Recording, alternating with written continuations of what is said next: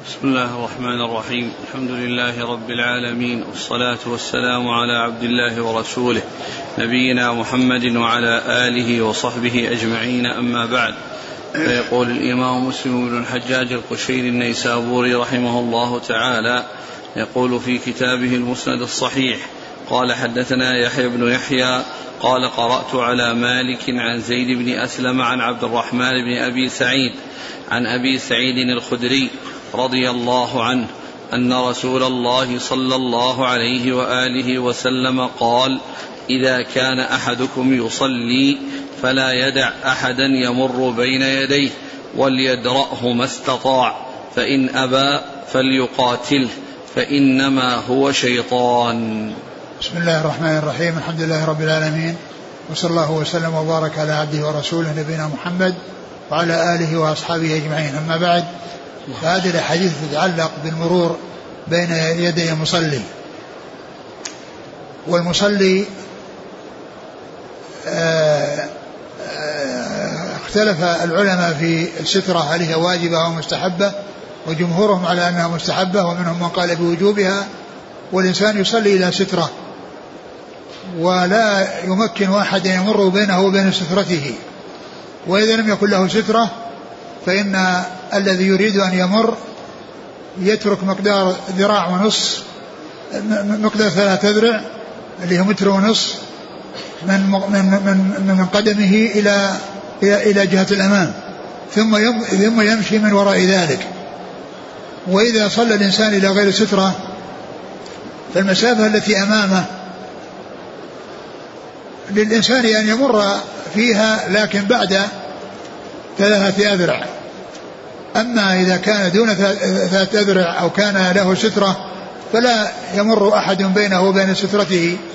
وإن مر أو أراد أحد يمر فإنه يدفعه يعني يدرأه ما استطاع بمعنى أنه يمد يده حتى ينبهه وقد يكون غافلا وقد يكون ذاهلا فإذا مد يده تنبه فيمتنع من المرور. وقد يكون متعمدا أو آه، يعني حريصا على المرور وهذا له أحوال.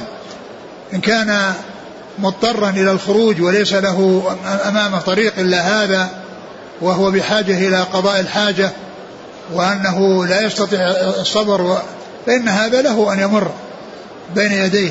وإذا أمكن أنه يترك يعني وينتقل إلى صف آخر يبي أن يفرق بين اثنين في الصف ويدخل بينهما ثم يمشي دون أن يمر بين يدي المصلي فهذا هو هو, هو الذي ينبغي.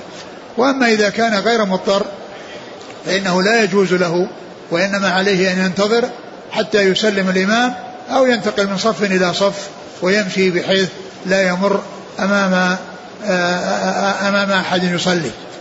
وذكر أحاديث منها حديث أبي سعيد الخدري رضي الله عنه أن النبي صلى الله عليه وسلم قال إذا كان أحدكم يصلي فإذا كان أحدكم يصلي إذا كان أحدكم يصلي فلا يدع أحدا يمر بين يديه وليدرأه ما استطاع. فلا يدع يعني لا يترك أحدا يمر بين يديه.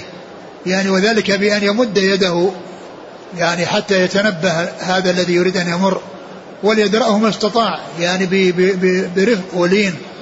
فإن عزم وصمم وأقدم فإن له أن يدفعه بقوة. فإن له أن يدفعه بقوة وهذا هو المراد بالمقاتلة. نعم. قال قال فإنما هو شيطان. فإنما هو شيطان يعني هذا الذي يعني يعزم ويريد أن يمر و يعني لم يت... لم يستجب للإنسان في درئه وإنما هو عازم فإنما هو شيطان. لكن كما قلنا إذا كان إذا كان هو في الطريق هذا الذي يصلي في الطريق والناس ليس أمامهم إلا هذا الطريق فإنه مخطئ في صلاته. فلهم أن يمروا إذا لم يتيسر لهم طريق آخر يعني غير هذا. وكذلك إذا كان مضطرا بأن هذا المار يحتاج إلى قضاء الحاجة ولو تأخر يعني يترتب على ذلك مضرة على على ثيابه وعلى بدنه وعلى المسجد فإن هذا له أن يمر. نعم. قال حدثنا يحيى بن يحيى قال قرأت على مالك عن زيد بن أسلم عن عبد الرحمن بن أبي سعيد عن أبي سعيد الخدري. نعم وهو سعد بن مالك بن سنان رضي الله عنه. يقول أحسن الله إليكم من ليس له سترة هل للمصلي الحق في منع من أراد المرور من أمامه بين يديه؟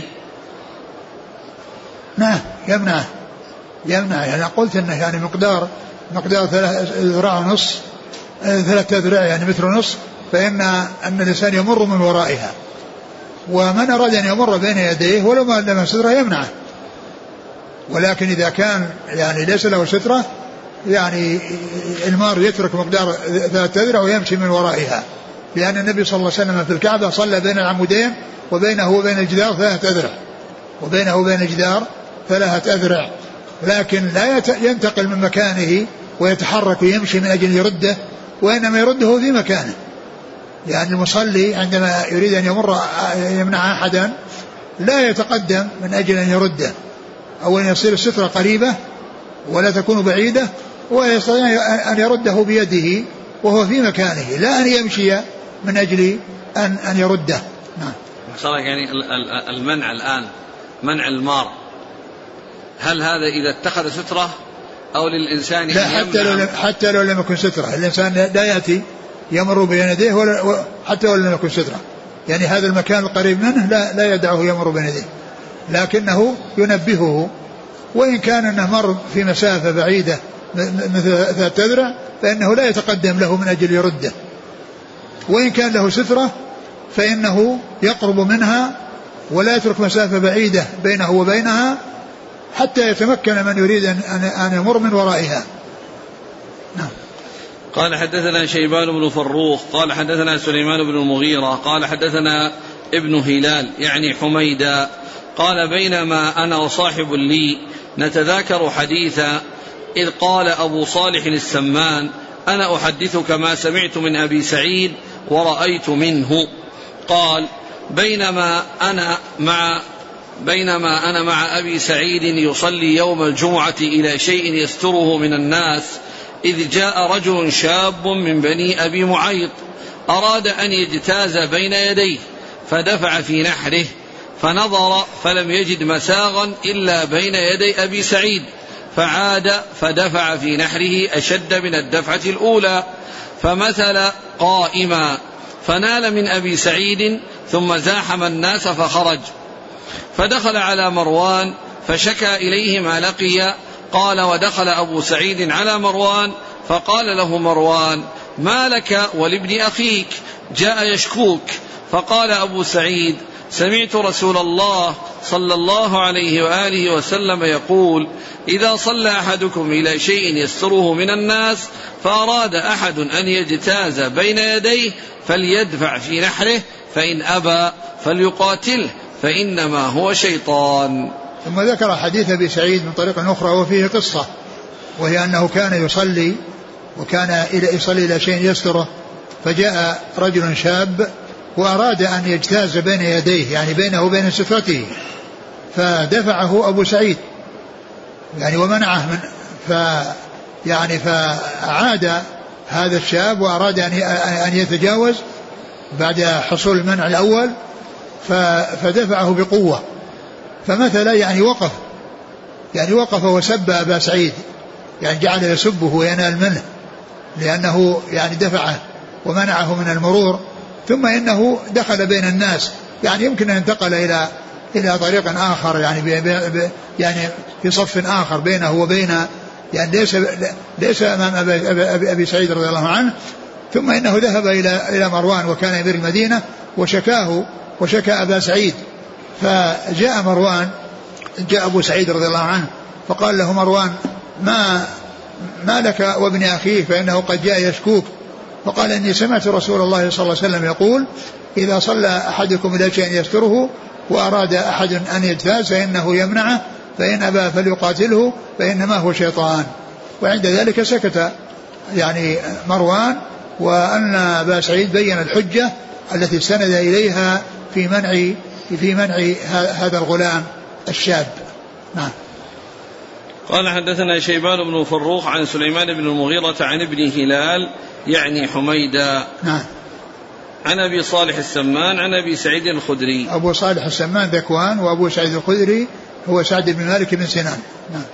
قال حدثني هارون بن عبد الله ومحمد بن رافع قال حدثنا محمد بن إسماعيل بن أبي فديك عن الضحاك بن عثمان عن صدقة بن يسار عن عبد الله بن عمر عن عبد الله بن عمر رضي الله عنهما أن رسول الله صلى الله عليه وسلم قال إذا كان أحدكم يصلي فلا يدع أحدا يمر بين يديه فإن أبى فليقاتله فإن معه القرين. ثم ذكر هذا الحديث عن ابن عمر وهو الذي وهو مثل الذي قبله. يعني إذا مر إذا لا أنه إذا كان يصلي فلا يمر.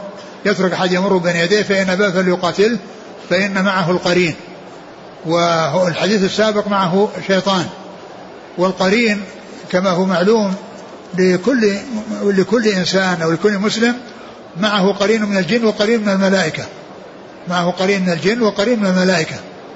وقوله القرين يعني القرين من الجن. وهنا وصف بأنه شيطان. ولهذا جاء عن رسول الله صلى الله عليه وسلم قال ما منكم من أحد إلا ومعه قرين من الجن وقرين من الملائكه قال قالوا وأنت يا رسول الله؟ قال وأنا إلا أن الله أعانني عليه فأسلم فصار لا يأمرني إلا بخير ومعنى ذلك أن هذا القرين الذي هو يعني مع هذا الإنسان إنما هو آه، شرير وأنه شيطان فإذا معه القرين أي الذي معه آه، أحد القرينين الذي هو الملك والجن فيكون يعني هذا الذي وصف بأنه شيطان أي أنه أنه قرينة. الذي هو قرين من الجن وهو وهو شيطان. نعم. قال حدثنا هارون بن عبد الله ومحمد بن رافع عن محمد بن إسماعيل بن أبي جوديك عن الضحاك بن عثمان عن صدقة بن يسار عن عبد الله بن عمر. نعم. قال حدثني إسحاق بن إبراهيم قال أخبرنا أبو بكر الحنفي قال حدثنا الضحاك بن عثمان قال حدثنا صدقة بن يسار قال سمعت ابن عمر رضي الله عنهما يقول إن رسول الله صلى الله عليه وسلم قال بمثله. ثم ذكر الحديث ومن طريق أخرى وأنه مثل الطريقة السابقة. قال حدثنا إسحاق بن إبراهيم عن أبي بكر الحنفي. وهو عبد الكبير بن عبد المجيد. عن الضحاك بن عثمان عن صدق بن يسار عن ابن عمر.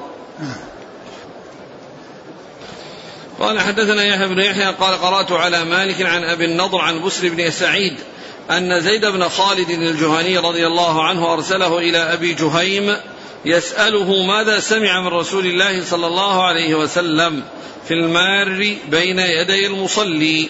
قال أبو جهيم قال رسول الله صلى الله عليه وآله وسلم لو يعلم المار بين يدي المصلي ماذا عليه لكان أن يقف أربعين خيرا له من أن يمر بين يديه. قال أبو النضر لا أدري.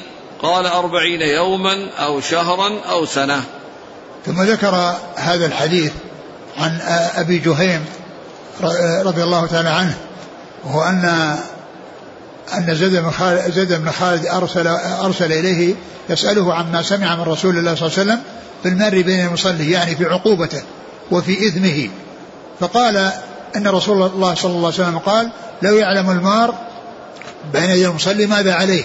يعني من الإثم لكان أن يقف أربعين خير خيرا له بين أن يمر بين يدي المصلي.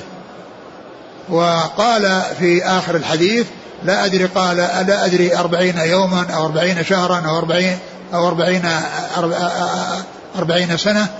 ومقصود من هذا بيان خطورة المرور وأن الإنسان لو وجد إنسانا يصلي فوقوفه بين يديه ينتظره يعني حتى يفرغ هذا خير له. وأن يعني وأشار إلى يعني آه، آه، حصول المسافة أو حصول المدة أو الزمان الذي يعني يقفه وأن ذلك في خير له من أن يمر بين يدي المصلي. ومعلوم أن كون الإنسان يعني يصلي سينتهي بعد دقائق أو دقيقتين أو ثلاث أو أربع. لكن إذا كان لا يتمكن يمكن يتحول إلى صف آخر. ويمشي بين الصفوف وإلا ينتظر إلا إذا يكون مضطرا ولم يجد آه، طريقا إلا هذا فله ذلك. ومعلوم أن الوقوف يعني هذه المدة سواء شهر أو يعني أسبوع أو يعني عام لا شك أن هذا يعني أمر خطير وأنه الأمر ليس بالهين بل إن الإنسان لا يحتاج إلى إلا إلا بضع دقائق. حتى ولو كان يقف أربعين دقيقة على أقل شيء. أقل شيء أربعين دقيقة فإن هذا سهل. نعم. قال حدثنا يحيى بن يحيى قال قرأت على مالك عن أبي النضر. أبي النضر هو سالم كما سيأتي في طريق بعد ذلك. عن بسر بن سعيد عن أبي جهيم. نعم. قال حدثنا عبد الله بن هاشم بن حيان العبدي قال حدثنا وكيع عن سفيان عن سالم أبي النضر عن بسر بن سعيد أن زيد بن خالد الجهني أرسل إلى أبي جهيم الأنصاري ما سمعت النبي صلى الله عليه وسلم يقول فذكر بمعنى حديث مالك. وفي هذا هذا الذي قبله يعني ما يدل على حرص الصحابة رضي الله عنهم على معرفة ما جاء من السنة عن رسول الله صلى الله عليه وسلم وأنهم إذا عرفوا السنة عند غيره عند غيرهم فإنهم يذهبون إليه أو يرسلون يعني من آه، يسألهم عن السنة التي عنده أي عند هذا الذي آه، الصحابي الذي أرسل إليه ما عنده من السنة عن رسول الله عليه الصلاة والسلام. فهم يؤدون السنن التي عندهم ويحرصون على معرفة السنن التي عند غيرهم.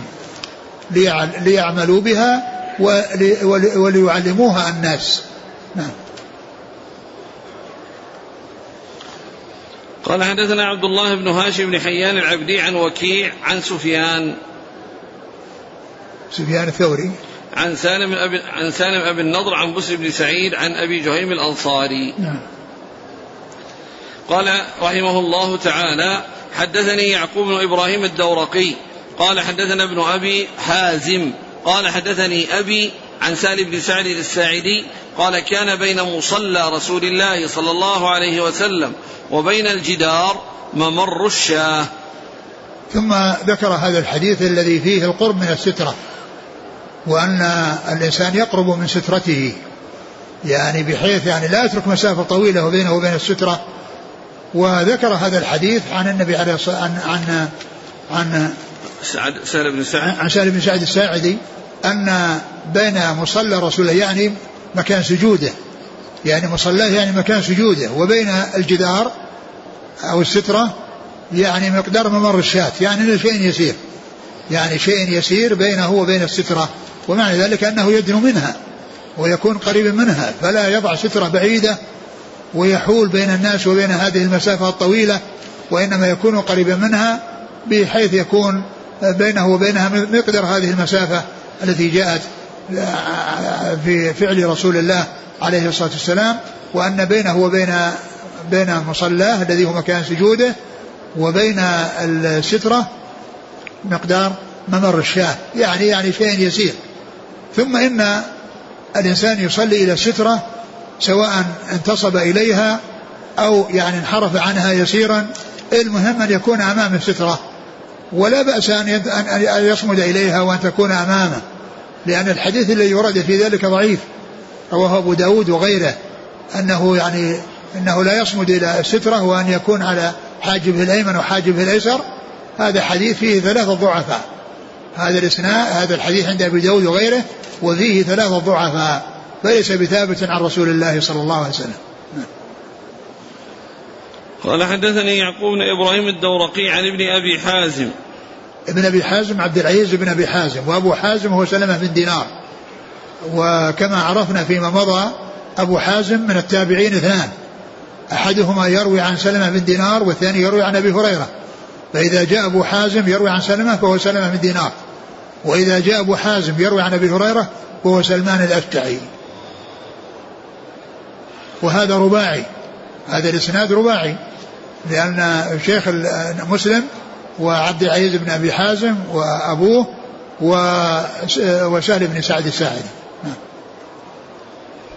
قال حدثنا إسحاق بن إبراهيم ومحمد بن المثنى واللفظ بن المثنى قال إسحاق أخبرنا وقال ابن المثنى حدثنا حماد بن مسعدة عن يزيد يعني بن أبي عبيد عن سلمة وابن الأكوع رضي الله عنه أنه كان يتحرى موضع مكان المصحف يسبح فيه وذكر أن رسول الله صلى الله عليه وسلم كان يتحرى ذلك المكان وكان بين المنبر والقبلة قدر ممر الشاه. ثم ذكر هذا الحديث في مكان يعني آه، مخصوص بالروضة وأن وأن من هو صحابي؟ سلم بن الأكوع. سلم بن الأكوع. كان يتحرى هذا المكان الذي فيه المصحف ومعلوم أن المصحف إنما جاء في زمن متأخر بعد ما وجدت المصاحف في زمن عثمان رضي الله عنه وأرسلت للآفاق فكان يعني في ذلك المكان مصحف وكان يعني سلمة يتحرى ذلك المكان ويقول النبي صلى الله عليه وسلم كان يتحرى ذلك المكان يعني الذي هو هذا الموطن الذي وضع فيه المصحف أو الذي جعل أخيرا فيه المصحف. والمقصود من ذلك اتخاذ السترة والصلاة إلى سترة. نعم. كان يتحرى موضع مكان المصحف يسبح فيه. نعم. يسبح فيه يتنفل. يسبح يسبح يعني يتنفل لأن النافلة يقال لها سبحة. يقول ابن عمر رضي الله تعالى عنها لو كنت لو كنت لو لو لو لو, لو, لو كنت لو كنت مسبحا لأتممت يعني في القصر. يعني يقصر الذي يقصر لا يتنفل.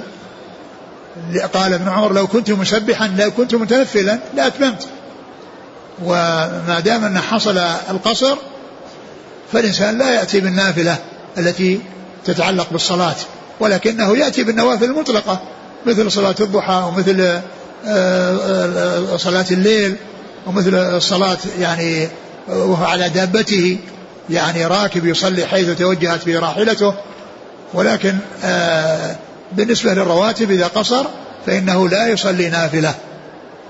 والسبحة هي النافلة. يسبح يعني يتنفل. نعم. ومعلوم أن المكان الذي في الروضة أو أو الروضة لا ينبغي الإنسان أن يحتكرها وأن يبقى فيها وأن يضيق على الناس فيها بل يصلي ركعتين في الروضة ثم يترك المجال لغيره. ولكنه لا يؤذي أحدا في طريقه إلى الروضة ولا في وسط الروضة. يعني لا يؤذي أحدا في الطريق إليها ولا فيها. نعم. وذكر أن رسول الله صلى الله عليه وسلم كان يتحرى ذلك المكان. يعني هذا المكان الذي جعل فيه المصحف فيما بعد. وكان بين المنبر والقبلة قدر ممر الشاة. هذا شيء آخر غير المتعلق بالمكان هذا. يعني يبين المنبر ليس متصلا بالجدار. بل هناك ممرشات بين الجدار والمنبر. قالوا والحكمة في ذلك أن الصف يعني الصف الأول يرى بعضهم بعضا يعني من, من, من هذه الفتحة التي بين المنبر والجدار. وهذا لا علاقة له وإنما إخبار عن شيء آخر. يعني لا علاقة له بالسترة والمكان الذي يصلي فيه يعني السترة وإنما إخبار عن أمر آخر. نعم. قال حدثنا إسحاق بن إبراهيم ومحمد بن المثنى عن حماد بن مسعدة عن يزيد يعني ابن أبي عبيد عن سلمة وهو ابن الأكوع. قال حدثناه محمد بن المثنى قال حدثنا مكي قال يزيد أخبرنا قال كان سلمة يتحرى الصلاة عند الأسطوانة التي عند المصحف فقلت له يا أبا مسلم أراك تتحرى الصلاة عند هذه الأسطوانة؟ قال رأيت النبي صلى الله عليه وسلم يتحرى الصلاة عندها. وهذا مثل الذي قبله يعني أن الرسول أن, أن سلمة كان يعني يصلي في هذا المكان ويتحراه ويخبر عليه وسلم كان يتحراه يعني في ذلك المكان. يعني في ذلك المكان قبل أن توجد الأسطوانة أو قد يكون أن الأسطوانة وضعت في مكان الذي كان في زمن صلى الله عليه وسلم من جذوع النخل. وأن أنها يعني عمود من من جذوع النخل كما كان المسجد في زمانه عليه الصلاة والسلام. يعني يعني أن هذا المكان الذي هو هذا كان يتحراه فإما أن تكون هذه الأسطوانة كانت في هذا المكان أو أنه يعرف يعني هذا المكان ب بعلامة يعرفها أو بمسافة يعني بين بينه وبين مكان آخر. آه وهذا الحي... نعم. الإسناد. قال حدثناه محمد بن المثنى عن مكي. مكي بن إبراهيم. عن يزيد. بن أبي عبيد. هنا قدم قال يزيد أخبرنا. نعم قال يزيد أخبرنا. يعني ذكر الاسم قبل الصيغة وهذا سائغ وجائز ولكن الأكثر هو تقديم الصيغة على الاسم. عن سلمة. عن سلمة. وهذا الحديث من ثلاثيات البخاري لأنه رواه عن مكي بن إبراهيم عن يزيد بن أبي عبيد عن سلمة.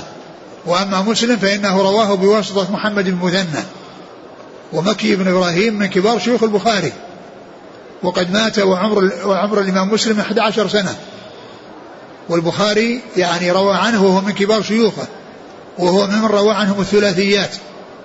والثلاثيات كما سبق أن أشرت في صحيح البخاري مقدارها 22 حديثا بالمكرر وستة عشر حديثا بدون تكرار.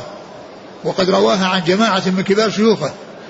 منهم محمد بن عبد الله الأنصاري ومنهم مكي آه، آه، ابن إبراهيم يعني وغيرهم. وهذا الحديث الذي معنا هو جاء عند البخاري عن مكي بن إبراهيم. فليس بين البخاري وبين رسول الله صلى الله عليه وسلم فيه إلا ثلاثة أشخاص. شيخه مكي اللي هو تابع تابع من أتباع التابعين ويزيد بن أبي عبيد الذي هو من التابعين وسلمة الأكوع الذي هو من الصحابة. قال رحمه الله تعالى حدثنا أبو بكر بن أبي شيبة قال حدثنا إسماعيل بن علية حاء قال وحدثني زهير بن حرب قال حدثنا إسماعيل بن إبراهيم عن يونس عن حميد بن هلال عن عبد الله بن الصامت عن أبي ذر رضي الله عنه أنه قال قال رسول الله صلى الله عليه وسلم إذا قام أحدكم يصلي فإنه يستره إذا كان بين يديه مثل آخرة الرحل. فإذا لم يكن بين يديه مثل آخرة الرحل فإنه يقطع صلاته الحمار والمرأة والكلب الأسود. قلت يا أبا ذر ما بال الكلب الأسود من الكلب الأحمر من الكلب الأصفر؟ قال يا ابن أخي سألت رسول الله صلى الله عليه وسلم كما سألتني فقال الكلب الأسود شيطان. ثم ذكر هذا الحديث عن أبي ذر رضي الله عنه وهو أن الإنسان عندما يصلي يستره مثل مؤخرة الرحل. يعني آه، العود الذي يستند إليه الراكب على البعير. والرحل هو ما يوضع على ظهر البعير. مثل السرج يوضع على ظهر الفرس فالرحل يوضع على ظهر البعير وله عودان. عود متأخر وعود متقدم والعود المتأخر يستند إليه الراكب يستند إليه الراكب وهو ليس بطويل فقال مثل مؤخرة الرحل. وقد مر بنا أن أنه يفعل أكثر من ذلك وهو مثل العصا والعنزة الذي كانت تحمل معه وفي أسفلها حديدة تغرز في الأرض ثم يصلي إليها عليه الصلاة والسلام. وهذا فيه دليل على أن السترة ينبغي أن تكون بارزة. يعني بحيث يعني يراها يعني آه، من يمر ويعرفها وتكون واضحة يعني جلية فلا يمر بينه وبينها أحد. وإذا عمل اتخذ سترة ومر بين يديه يعني فإن هذه الثلاثة تقطع يعني الصلاة. وقطعها فسر عند كثير من أهل العلم عند أكثر أهل العلم بأنه نقصان أجرها. وبعض أهل العلم قال إنها أنه أنها, أنها تقطعها وأن عليه الإنسان أن يعيدها وأن على الإنسان أن أن يعيد الصلاة إذا مر بين يديه هؤلاء الثلاثة الذين جاء ذكرهم في آه، في هذا الحديث عن رسول الله عليه الصلاة والسلام. وهذا فيه ذكر يعني ال ال آه، هذه الثلاثة لتقطع الصلاة. أما غيرها فلم يأتي شيء يدل على قطعه على قطع الصلاة بمروره. وإذا كان الإنسان ليس له سترة فكما قلت إذا مر يعني هذه الأشياء مرت من مكان بعيد يعني ليس مقدار, مقدار هذا الذي يعني مقدار ثلاثة أذرع فإن ذلك لا يؤثر إذا مرت هذه الأشياء وغيرها. نعم. قال حدثنا أبو بكر بن شيبة عن إسماعيل بن علية. نعم. قال وحدثني زهير بن حرب عن إسماعيل بن إبراهيم هو ابن علية نعم. عن يونس بن يزيد الأيلي. عن حميد بن هلال نعم. عن عبد الله بن الصامت عن أبي ذر. نعم. جندب بن جنادة أبو ذر جندب بن جنادة رضي الله عنه. يونس بن عبيد بن دينار العبدي أبو عبيد البصري ثقة ثبت فاضل. يروي عن حميد بن هلال ليس يونس بن يزيد له ها؟ يونس بن عبيد. من هو؟ عبيد؟ يونس, يونس؟ بن عبيد بن دينار آه، العبدي. يعني يونس بن عبيد؟ نعم. هذا اللي يروي عن آه، حميد بن هلال. نعم. قال حدثنا شيبان بن فروخ قال حدثنا سليمان بن المغيرة حاء قال وحدثنا محمد بن مثنى وابن بشار قال حدثنا محمد بن جعفر قال حدثنا شعبة حاء قال وحدثنا إسحاق بن إبراهيم قال أخبرنا وهب بن جرير قال حدثنا أبي حاء قال وحدثنا إسحاق أيضا قال أخبرنا المعتمر بن سليمان قال سمعت سلم بن أبي الذيال. حاء قال وحدثني يوسف بن حماد المعني. قال حدثنا زياد البكائي عن عاصم الأحول. كل هؤلاء عن حميد بن هلال بإسناد يونس كنحو حديثه. نعم ثم ذكر هذه الأسانيد كلها وهي بمعنى يعني حديث الحديث السابق الذي مر قبل هذا. نعم. قال حدثنا شيبان بن فروخ عن سليمان بن المغيرة. ها قال وحدثنا محمد بن مثنى وابن بشار عن محمد بن جعفر عن شعبة. ها قال وحدثنا إسحاق بن إبراهيم عن وهب بن جرير عن أبيه. وهب بن جرير بن حازم عن أبيه جرير بن حازم. ها قال وحدثنا إسحاق أيضا قال أخبرنا المعتمر بن سليمان عن سلم بن أبي الذيال. نعم. ها قال وحدثني يوسف بن حماد المعني عن زياد. كلمة المعني هذه نسبة إلى معن. يعني هذه نسبة إلى معن. ويأتي في بعض الكتب يعني في بعض السنن عندما يذكر المؤلف أو المصنف في السنن يعني شيخين من شيوخه يقول المعنى. يعني المعنى واحد. يعني فيأتي أحيانا في بعض الكتب حدثنا فلان وفلان المعنى عن فلان. يعني كلمة المعنى هذه إشارة إلى أن أحاديثهم بالمعنى وليست متفقة في الألفاظ. وأما هنا فالمعني وصف ونسبة يعني وليست مثل الذي يأتي بكلمة المعنى. فالمعني نسبة إلى معنى يعني جد من أجداده. نعم. عن زياد البكائي. نعم. أبو محمد زياد بن عبد الله. نعم. عن عاصم الأحول. عاصم بن سليمان الأحول. كل هؤلاء عن حميد بن هلال بإسناد يونس. نعم.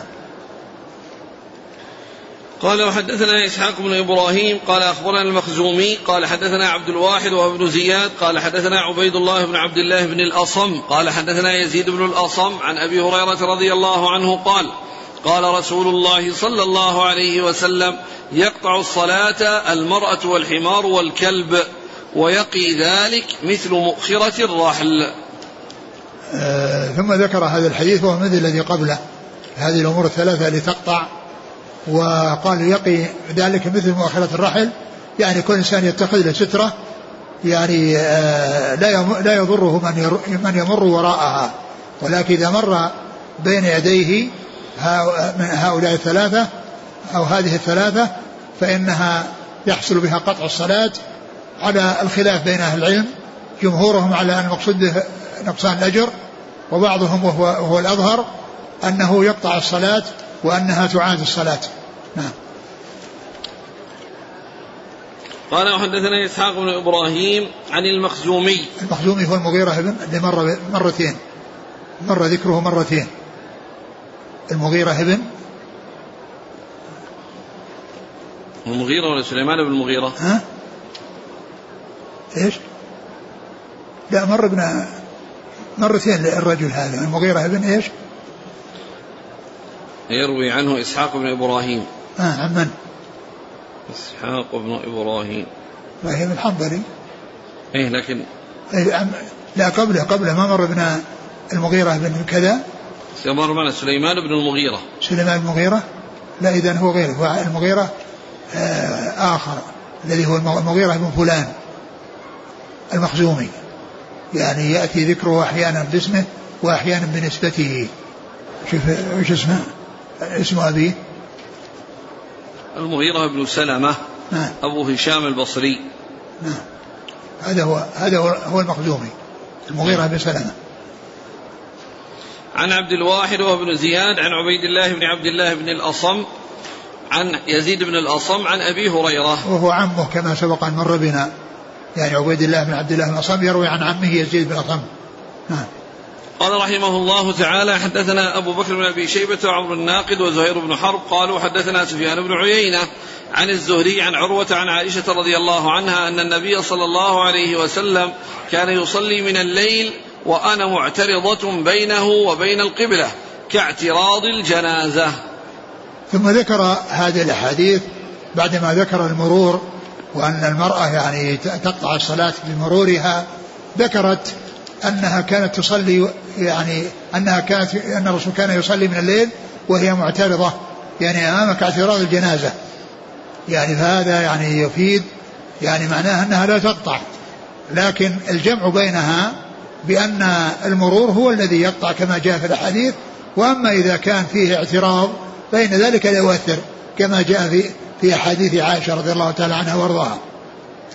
ولهذا لو أن إنسانا يعني مد يده أمام إنسان لا يعتبر مرة وكذلك لو ناول إنسانا من أمام إنسان يصلي لا يعتبر هذا مرور. فهذا من جنس الاعتراض. نعم. قال حدثنا أبو بكر بن ابي شيبة عمر الناقد وزهير بن حرب عن سفيان بن عيينة عن الزهري عن عروة عن عائشة. نعم.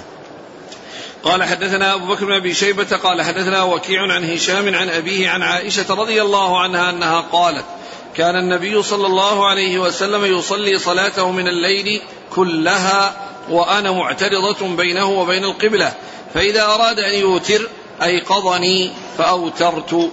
ثم ذكر هذا الحديث ومثله مثل الذي قبله وأنه كان يصلي صلاته من الليل وهي معترضة يعني بينه وبين القبلة فإذا أراد أن يوتر أيقظها فأوترت. نعم قال وحدثني عمرو بن علي قال حدثنا محمد بن جعفر قال حدثنا شعبة عن أبي بكر بن حفص عن عروة بن الزبير أنه قال قالت عائشة رضي الله عنها ما يقطع الصلاة؟ قال فقلنا المرأة والحمار. فقالت إن المرأة لدابة سوء. لقد رأيتني بين يدي رسول الله صلى الله عليه وسلم معترضة كاعتراض الجنازة وهو يصلي. ثم ذكر هذا الحديث هو مثل الذي قبله وهي يعني تعتبر أن هذا أن هذا الذي آه، كانت تفعله أمامه عليه الصلاة والسلام أن أن يعني مثله المرور أن مثله المرور وأنه لا يؤثر. لكن آه، الحديث جاء يعني فيما يتعلق بالقطع والاعتراض جاء يعني وهو, وهو يدل على جوازه وأنه لا بأس به لأن ثبتت به السنة وذاك أيضا ثبتت به السنة. وغيرها رضي الله تعالى عنه وغيرها فهم. يعني فهم من القطع يعني ال يعني أن أن أنه إما إما ضعف نقص الأجر أو أنه القطع الذي تعاد معه الصلاة. قال وحدثني عمرو بن علي عن محمد بن جعفر عن شعبة عن أبي بكر بن حفص عن عروة بن الزبير عن عائشة. قال حدثنا عمرو الناقد وأبو سعيد الأشج. قال حدثنا حفص بن غياث. قال حدثنا عمر بن حفص بن غياث واللفظ له. قال حدثنا أبي قال حدثنا الأعمش. قال حدثني إبراهيم عن الأسود عن عائشة رضي الله عنها.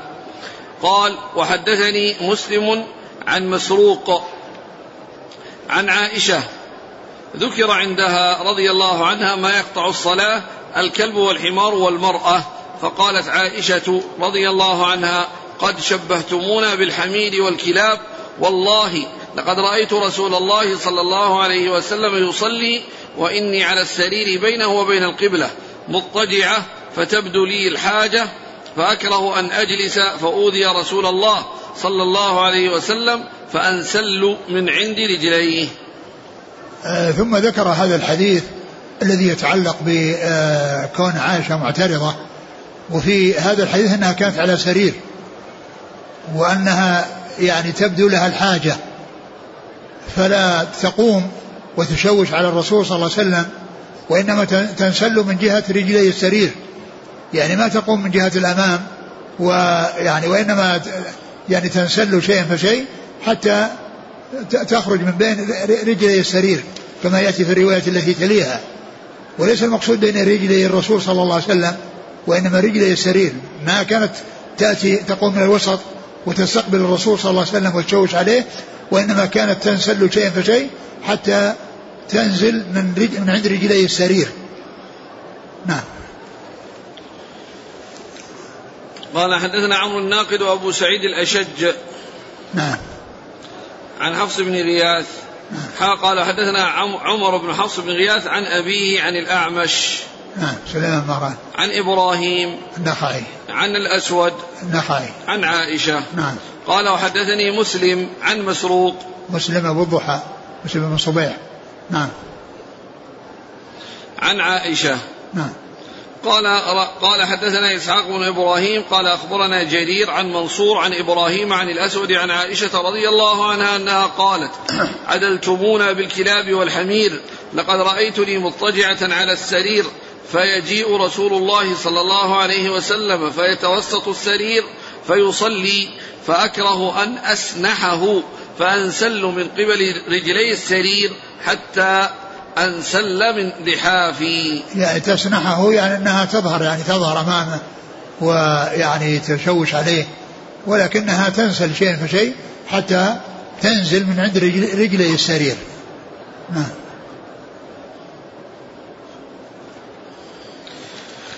قال حدثنا إسحاق بن إبراهيم عن جرير بن عبد الحميد. عن منصور بن المعتمر. عن إبراهيم عن الأسود عن عائشة. نعم. قال حدثنا يحيى بن يحيى قال قرأت على مالك عن أبي النضر عن أبي سلمة بن عبد الرحمن عن عائشة رضي الله عنها أنها قالت كنت أنام بين يدي رسول الله صلى الله عليه وسلم ورجلاي في قبلته فإذا سجد غمزني فقبضت رجلي وإذا قام بسطتهما قالت والبيوت يومئذ ليس فيها مصابيح. وهذا فيه أن هذا الذي حصل منها مع الرسول صلى الله عليه وسلم في أحوال منها ما كان على سرير ومنها ما كان في الأرض. منها ما كانت معترضة في قبلته وهي على السرير ومنها ما كانت معترضة في قبلته وهي على الأرض. وهذا الحديث يعني يفيد بأنها كانت على الأرض وأنها قالت أنها تنام وهي معترضة فإذا, فإذا أراد أن يسجد غمزها فكفت رجليها.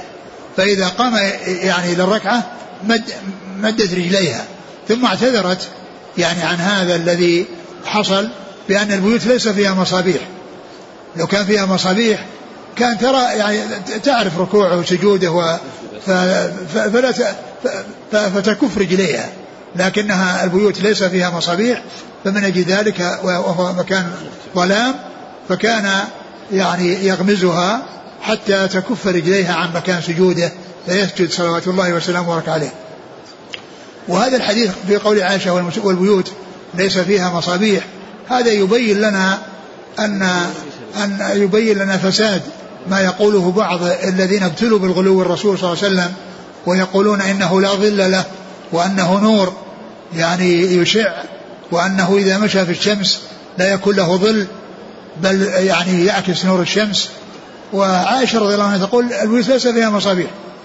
يعني لو كان فيها مصابيح ما احتاج إلى أنه يغمزها ما احتاج إلى أنه يغمزها فتكف رجليها. فكانت تكفها يعني إذا رأته يريد يعني يريد أن يسجد بدون أن يحتاج إلى غمزها بدون أن يحتاج إلى غمزها. فالرسول عليه الصلاة والسلام نور وكتاب والكتاب نور ولكنه نور الهداية وليس النور الذي يعني يشع ويمشي في الظلام ويعني ليس عنده ظلام. هذا من من الغلو ومن التجاوز للحدود يعني في شيء ليس بصحيح وليس له أصل وهذا مما يبين فساد هذا الذي يقوله من يقوله. ومن أمثلة ذلك قصة المرأة والرجل الذي كان يقوم المسجد وأنهم يعني صلوا عليه ودفنوه فالرسول فقده وسأل فقالوا إنه كان في ليلة ظلمة فخشينا أو كرهنا أن نوقظك. قالوا ليلة ظلمة. لو كان الأمر أنه يعني إذا مشى يعني معه نور يعني ساطع مثل النور الذي نور القمر أو أنه يعني يصير آه الذي أمامه ليس في ظلام ما احتاج إلى يقول في ليلة مظلمة. ما احتاج إلى أن يقول في ليلة مظلمة. نعم. قال حدثنا يحيى بن يحيى قال أخبرنا خالد بن عبد الله قال حا قال وحدثنا أبو بكر بن أبي شيبة قال حدثنا عباد بن العوام. جميعا عن الشيباني عن عبد الله بن شداد بن الهاد. قال حدثتني ميمونة رضي الله عنها. زوج النبي صلى الله عليه وسلم أنها قالت كان رسول الله صلى الله عليه وسلم يصلي وأنا حذاءه وأنا حائض وربما أصابني ثوبه إذا سجد. ثم ذكر هذا الحديث عن عن عن ميمونة رضي الله عنها وأن الرسول صلى الله عليه وسلم كان يصلي وهي حذاءه وكانت حائض وكان إذا سجد يصيبها ثوبه. وهذا يدل على أن يعني المرأة إذا كانت حائض وكانت قريبة من رجل أن ذلك لا يؤثر عليه لا في صلاته ولا في غير صلاته ولا في مضاجعته كما يعني سبق أن مر بنا أن إحدى زوجاته كانت معه فجاءت الحيضة فانسلت فقال لعلك نفستي ثم يعني أمرها فرجعت. فهذا يفيد بأنها كانت بحذائه يعني بجواره و وكانت يعني جالسة أو مضطجعة فكان إذا سجد انتشر شيء من من من ثوبه عليها. وهذا لا يؤثر. وهذا يفيد بأن المرأة الحائض أنها طاهرة الجسد وأن النجاسة إنما هي في الشيء الذي خرج منها. وأما يعني بدنها ولمسها وما إلى ذلك فإنه ليس فيه نجاسة وإنما نجاسة في الموضع الذي يعني يخرج منه الدم أو في الدم نفسه. نعم. قال حدثنا يحيى بن يحيى عن خالد بن عبد الله. الطحان الواسطي. حا قال وحدثنا أبو بكر بن شيبة عن عباد بن عوام جميعا عن الشيباني. الشيباني هو أبو إسحاق الشيباني سليمان بن أبي سليمان. أبو إسحاق. عن عبد الله بن شداد بن الهاد عن ميمونة. نعم. قال حدثنا أبو بكر بن أبي شيبة وزهير بن حرب. قال زهير حدثنا وكيع. قال حدثنا طلحة بن يحيى عن عبيد الله بن عبد الله.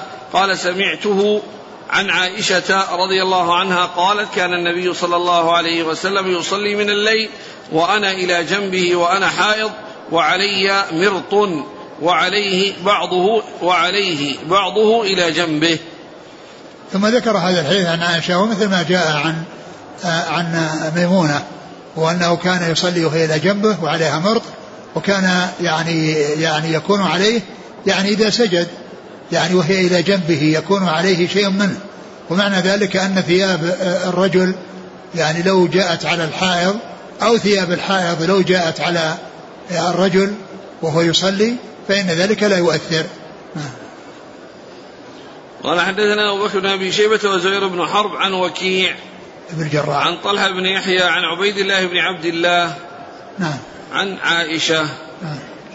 قال رحمه الله تعالى حدثنا يحيى بن يحيى قال قرأت على مالك عن ابن شهاب عن سعيد بن مسيب عن أبي هريرة رضي الله عنه أن سائلا سأل رسول الله صلى الله عليه وسلم عن الصلاة في الثوب الواحد فقال أولكلكم ثوبان؟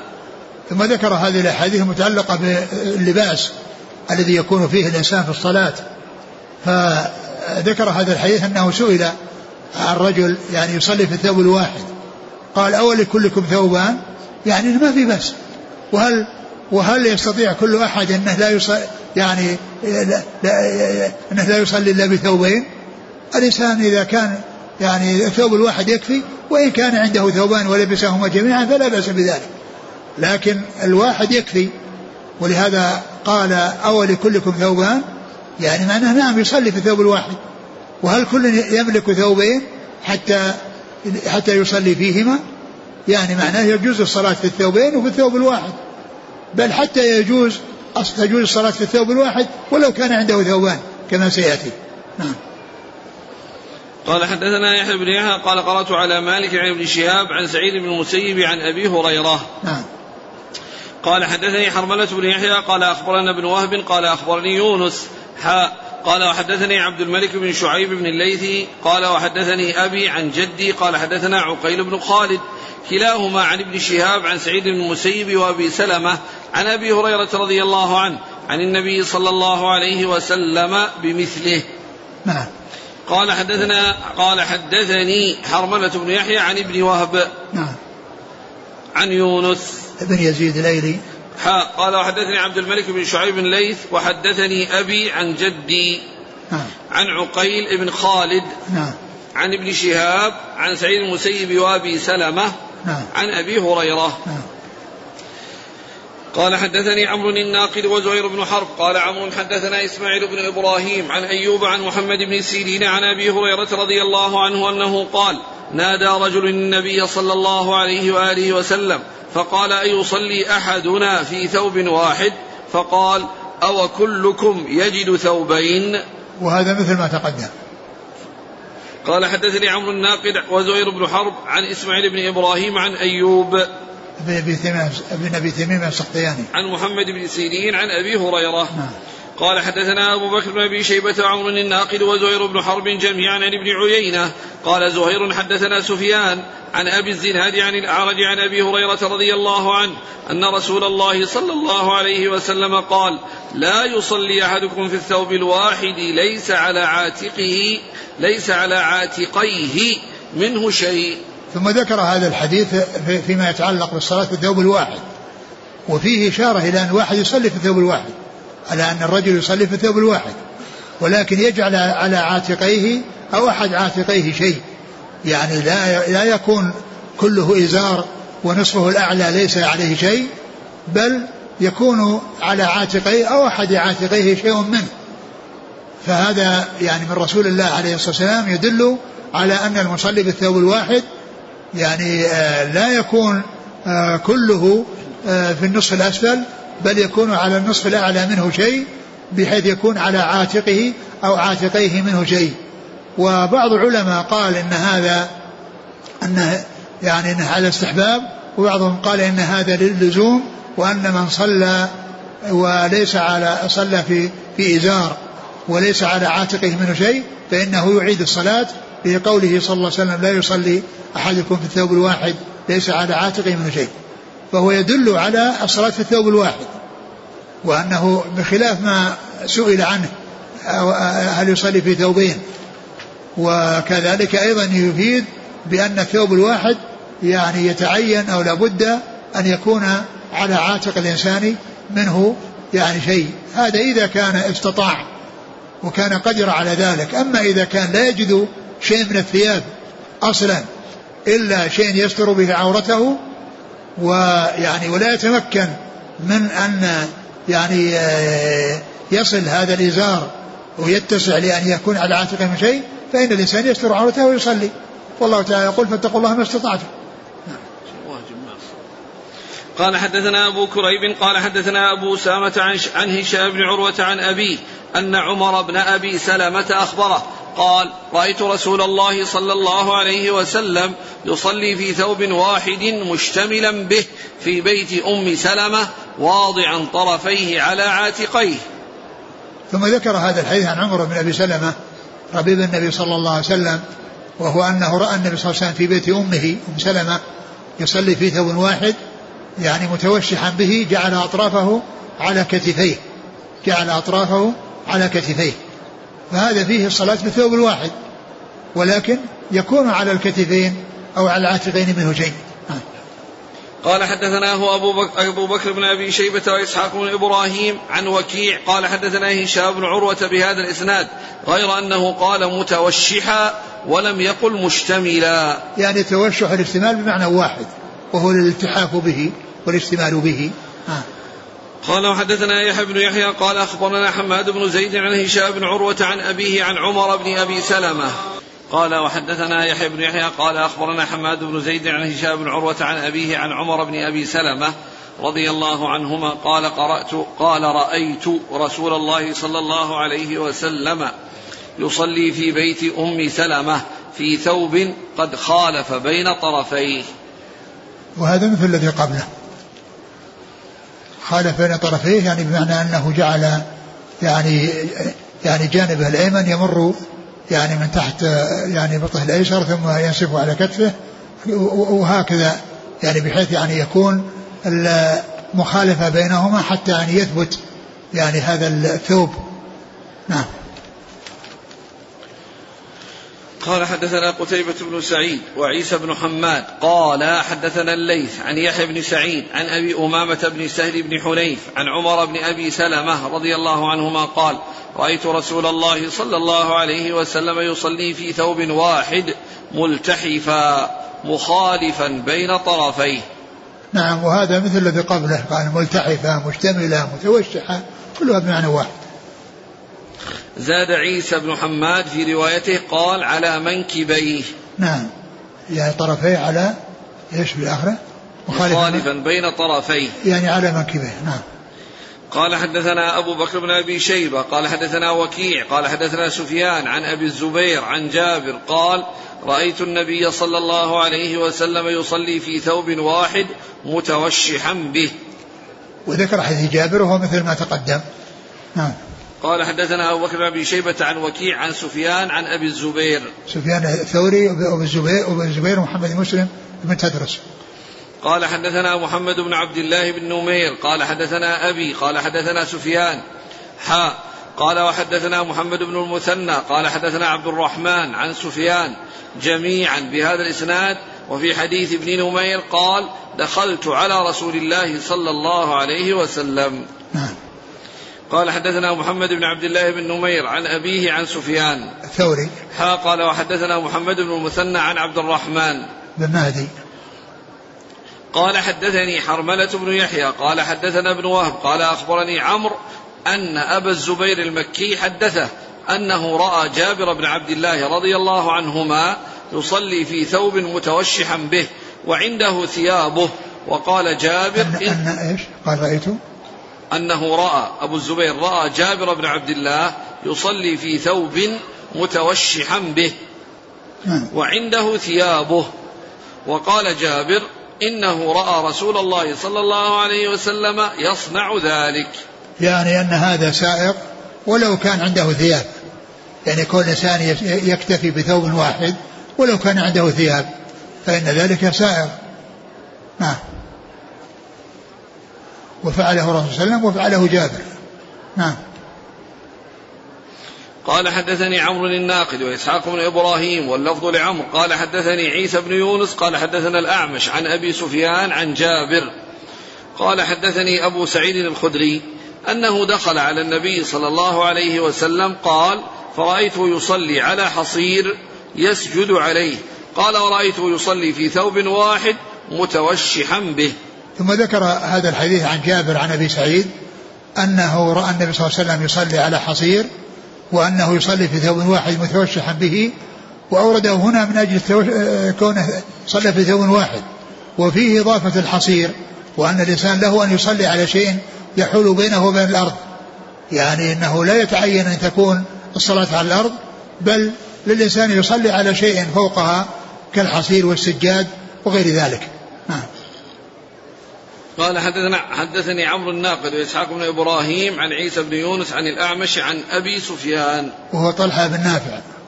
قال حدثنا أبو بكر بن أبي شيبة وأبو كريب. قال حدثنا أبو معاوية. حاء قال وحدثنيه سويد بن سعيد. قال حدثنا علي بن مسهر. كلاهما عن الأعمش بهذا الإسناد. نعم. قال وفي رواية أبي كريب واضعا طرفيه على عاتقيه. ورواية أبي كريب أبي بكر وسويد متوشحا به. نعم. قال حدثنا أبو بكر بن شيبة وأبو كريب. محمد بن العلاء. عن أبي معاوية. محمد بن خازم. قال حا وحدثنيه سويد بن سعيد عن علي بن مسر عن الأعمش. نعم. قال كتاب المساجد ومواضع الصلاة. والله تعالى أعلم وصلى الله وسلم وبارك على عبده ورسوله نبينا محمد وعلى آله وأصحابه أجمعين. جزاكم الله خيرا وبارك الله فيكم. ألهمكم الله الصواب ووفقكم للحق. شافاكم الله وعافاكم ونفعنا الله ما سمعنا. غفر الله لنا ولكم وللمسلمين أجمعين. آمين. يقول ما حكم مرور الطفل بين يدي المصلي؟ يعني الصغير غير المميز أو المميز دون البلوغ؟ لا كله كله يعني شيء يمنع. يعني الطفل وغير الطفل. لكنه ليس ليسوا يعني سواء يعني حتى البهيمة إذا أرادت تمر يردها.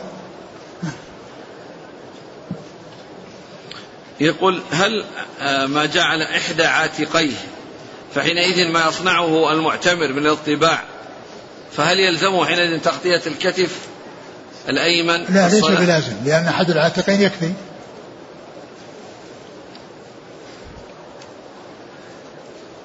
إذا ستر أحدهما ويصلي مطبعا لا حرج. نعم. يقول ما حكم اتخاذ لكن, لكنه أكمل. لكنه في يعني في هذا ما دام أنها كله في حال الطباع وأن الصلاة تخللت الطواف يعني فكونه يصلي مطبعا لا يؤثر لأن أحد العاتقين مستور. يقول ما حكم اتخاذ ألواح بشكل معين في المساجد لغرض السترة؟ لا نعلم ذلك أصلا.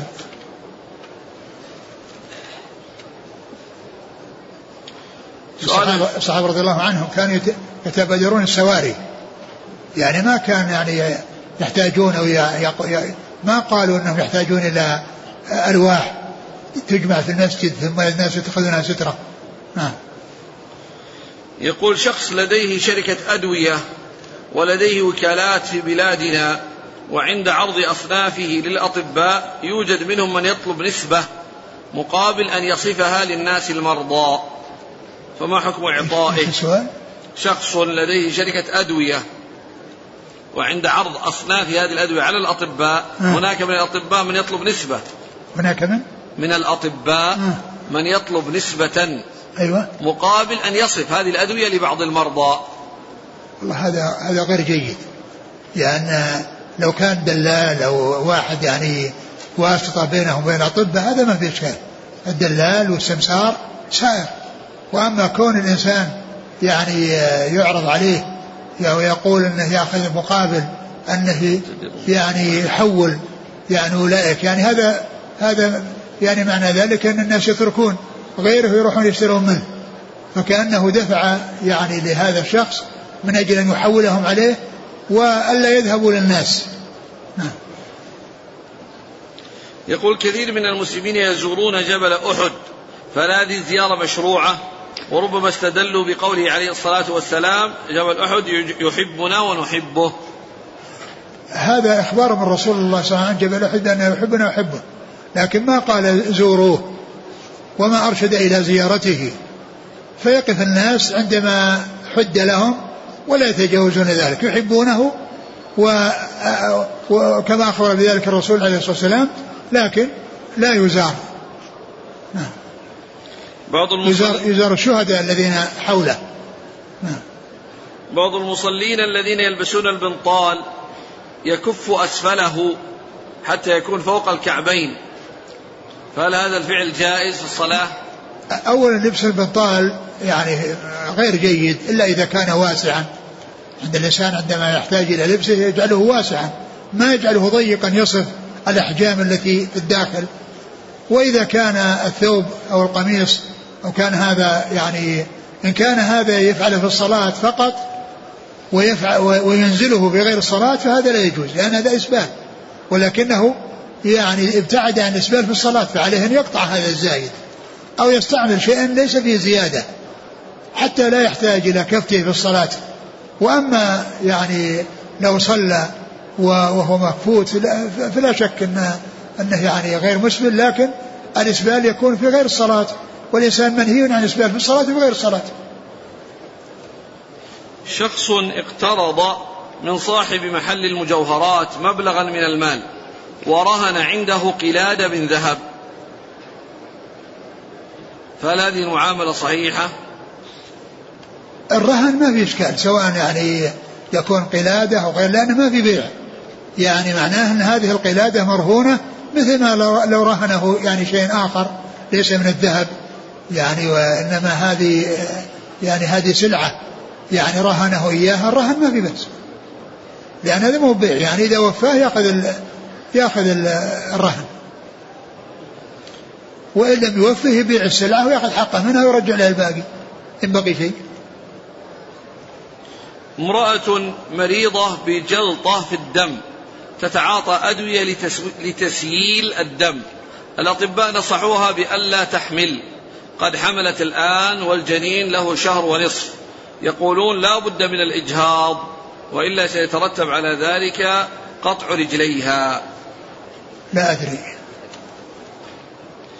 هل علة عدم الصلاة في معاطن الإبل كونها خلقت من جن من الجن؟ آه ال ال ال هو جاء في بعض الأحاديث أنها خلقت من الجن يعني أن صفات فيها صفات الشياطين. يعني فيها صفات شياطين ومعلوم أن المنع بسبب نفارها وجفالها وأنها إذا نفرت وحولها يصلي تهلكه. هذا هو السر أو الوجه لا لنجاستها وكونها يعني أيضا فيها صفات يعني يعني الشدة والغلظة التي تكون في الشياطين هي موجودة فيها.